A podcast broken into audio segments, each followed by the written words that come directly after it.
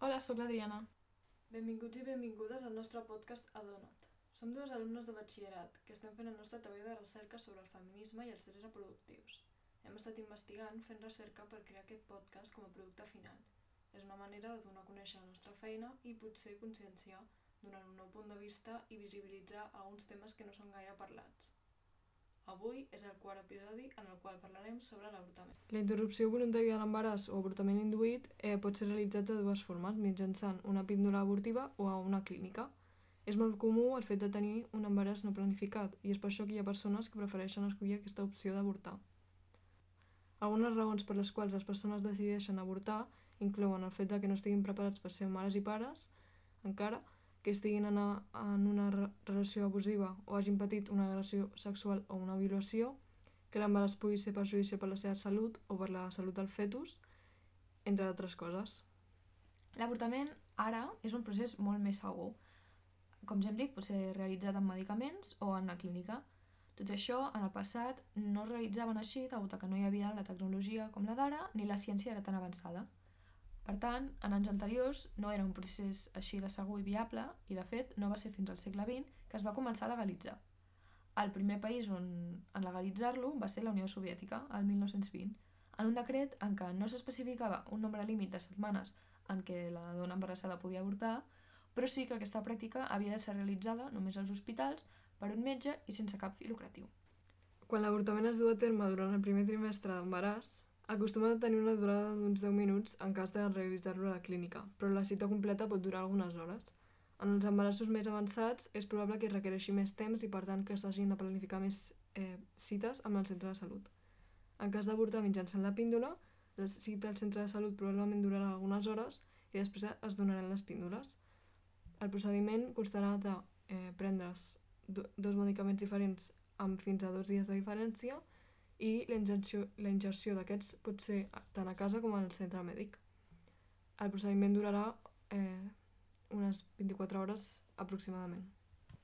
Un dels avantatges de l'avortament realitzat a la clínica, a part de ser ràpid, seria el fet de que després del procediment s'experimentin menys sagnat i dolors abdominals que amb eh, l'avortament amb píndola.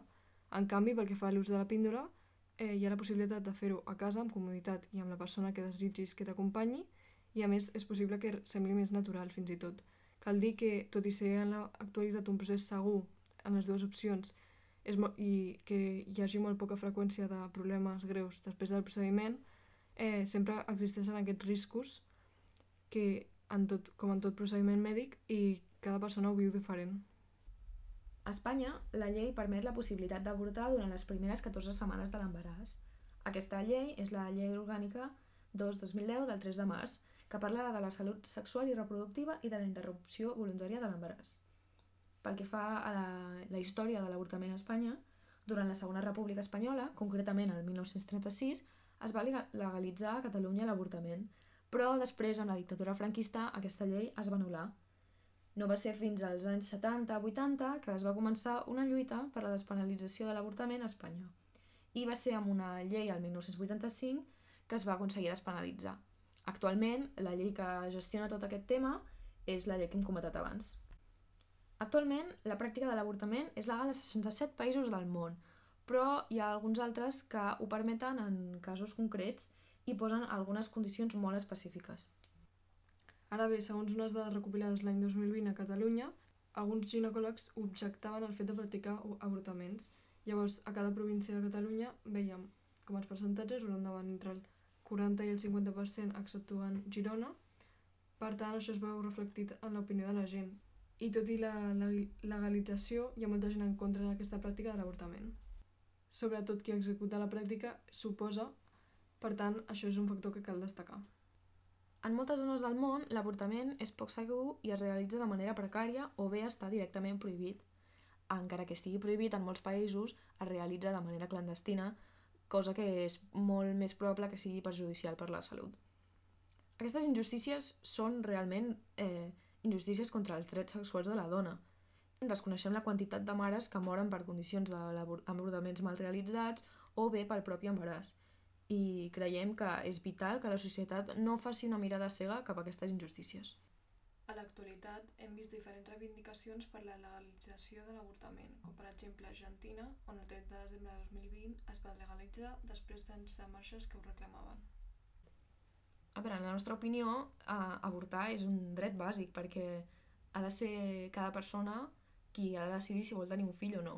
I ha de, ha de ser la decisió totalment de la dona per, per decidir si vol continuar amb un embaràs, perquè al final és que és el seu cos. Exacte, és una decisió sobre el propi cos de la dona, és a, és a dir, és ella qui ha de, qui ha de decidir-ho. A més, també jo trobo increïble, en el pitjor sentit, que en alguns països encara sigui il·legal eh, avortar quan aquest embaràs ha sigut provocat per una violació o, o aquest embaràs provoca riscos greus per la vida de la mare o del fetus. I encara que no sigui per aquestes raons, perquè sigui doncs, perquè la persona no se sent preparada o perquè, perquè no està en una situació com per tenir un fill, una filla, jo crec que hauria de seguir sent legal. A més, parlem de que és una qüestió de drets humans. Hi ha molts països, Mhm. un gran nombre de països que no permeten decidir sobre aquesta decisió, Exacte. sobre aquesta... És que és una decisió sobre, sobre el propi cos. Exacte. Eh, les condicions per realitzar-lo són concretes i de fet hi ha molts països que ni, ni permeten aquestes restriccions. Tot i que a molts països és il·legal, les dones segueixen realitzant aquestes pràctiques de l'avortament perquè es veuen obligades a fer-ho o bé decideixen fer aquesta de, decideixen prendre aquesta decisió. Tot i això, els hi pot causar... Bueno, això pot ser causant de eh, que les, algunes dones hagin d'anar a la presó degut a la legislació del país. A més, també, un altre tema és que jo crec que hi ha bastanta gent que quan planteges aquesta situació de, de que creus que l'avortament hauria de ser legal, um, com que pensen que en cada cas que una dona es quedi embarassada sense potser voler-ho o planejar-ho, com que ja hauria d'avortar. Llavors jo crec que no, justament la gràcia d'aquesta d'aquest concepte de, de la pràctica de l'avortament és que és una decisió i, i si vol decidir fer-ho, doncs ho pot fer, i si vol decidir no fer-ho, doncs també. Bé, doncs aquí s'acaba eh, l'episodi sobre l'avortament.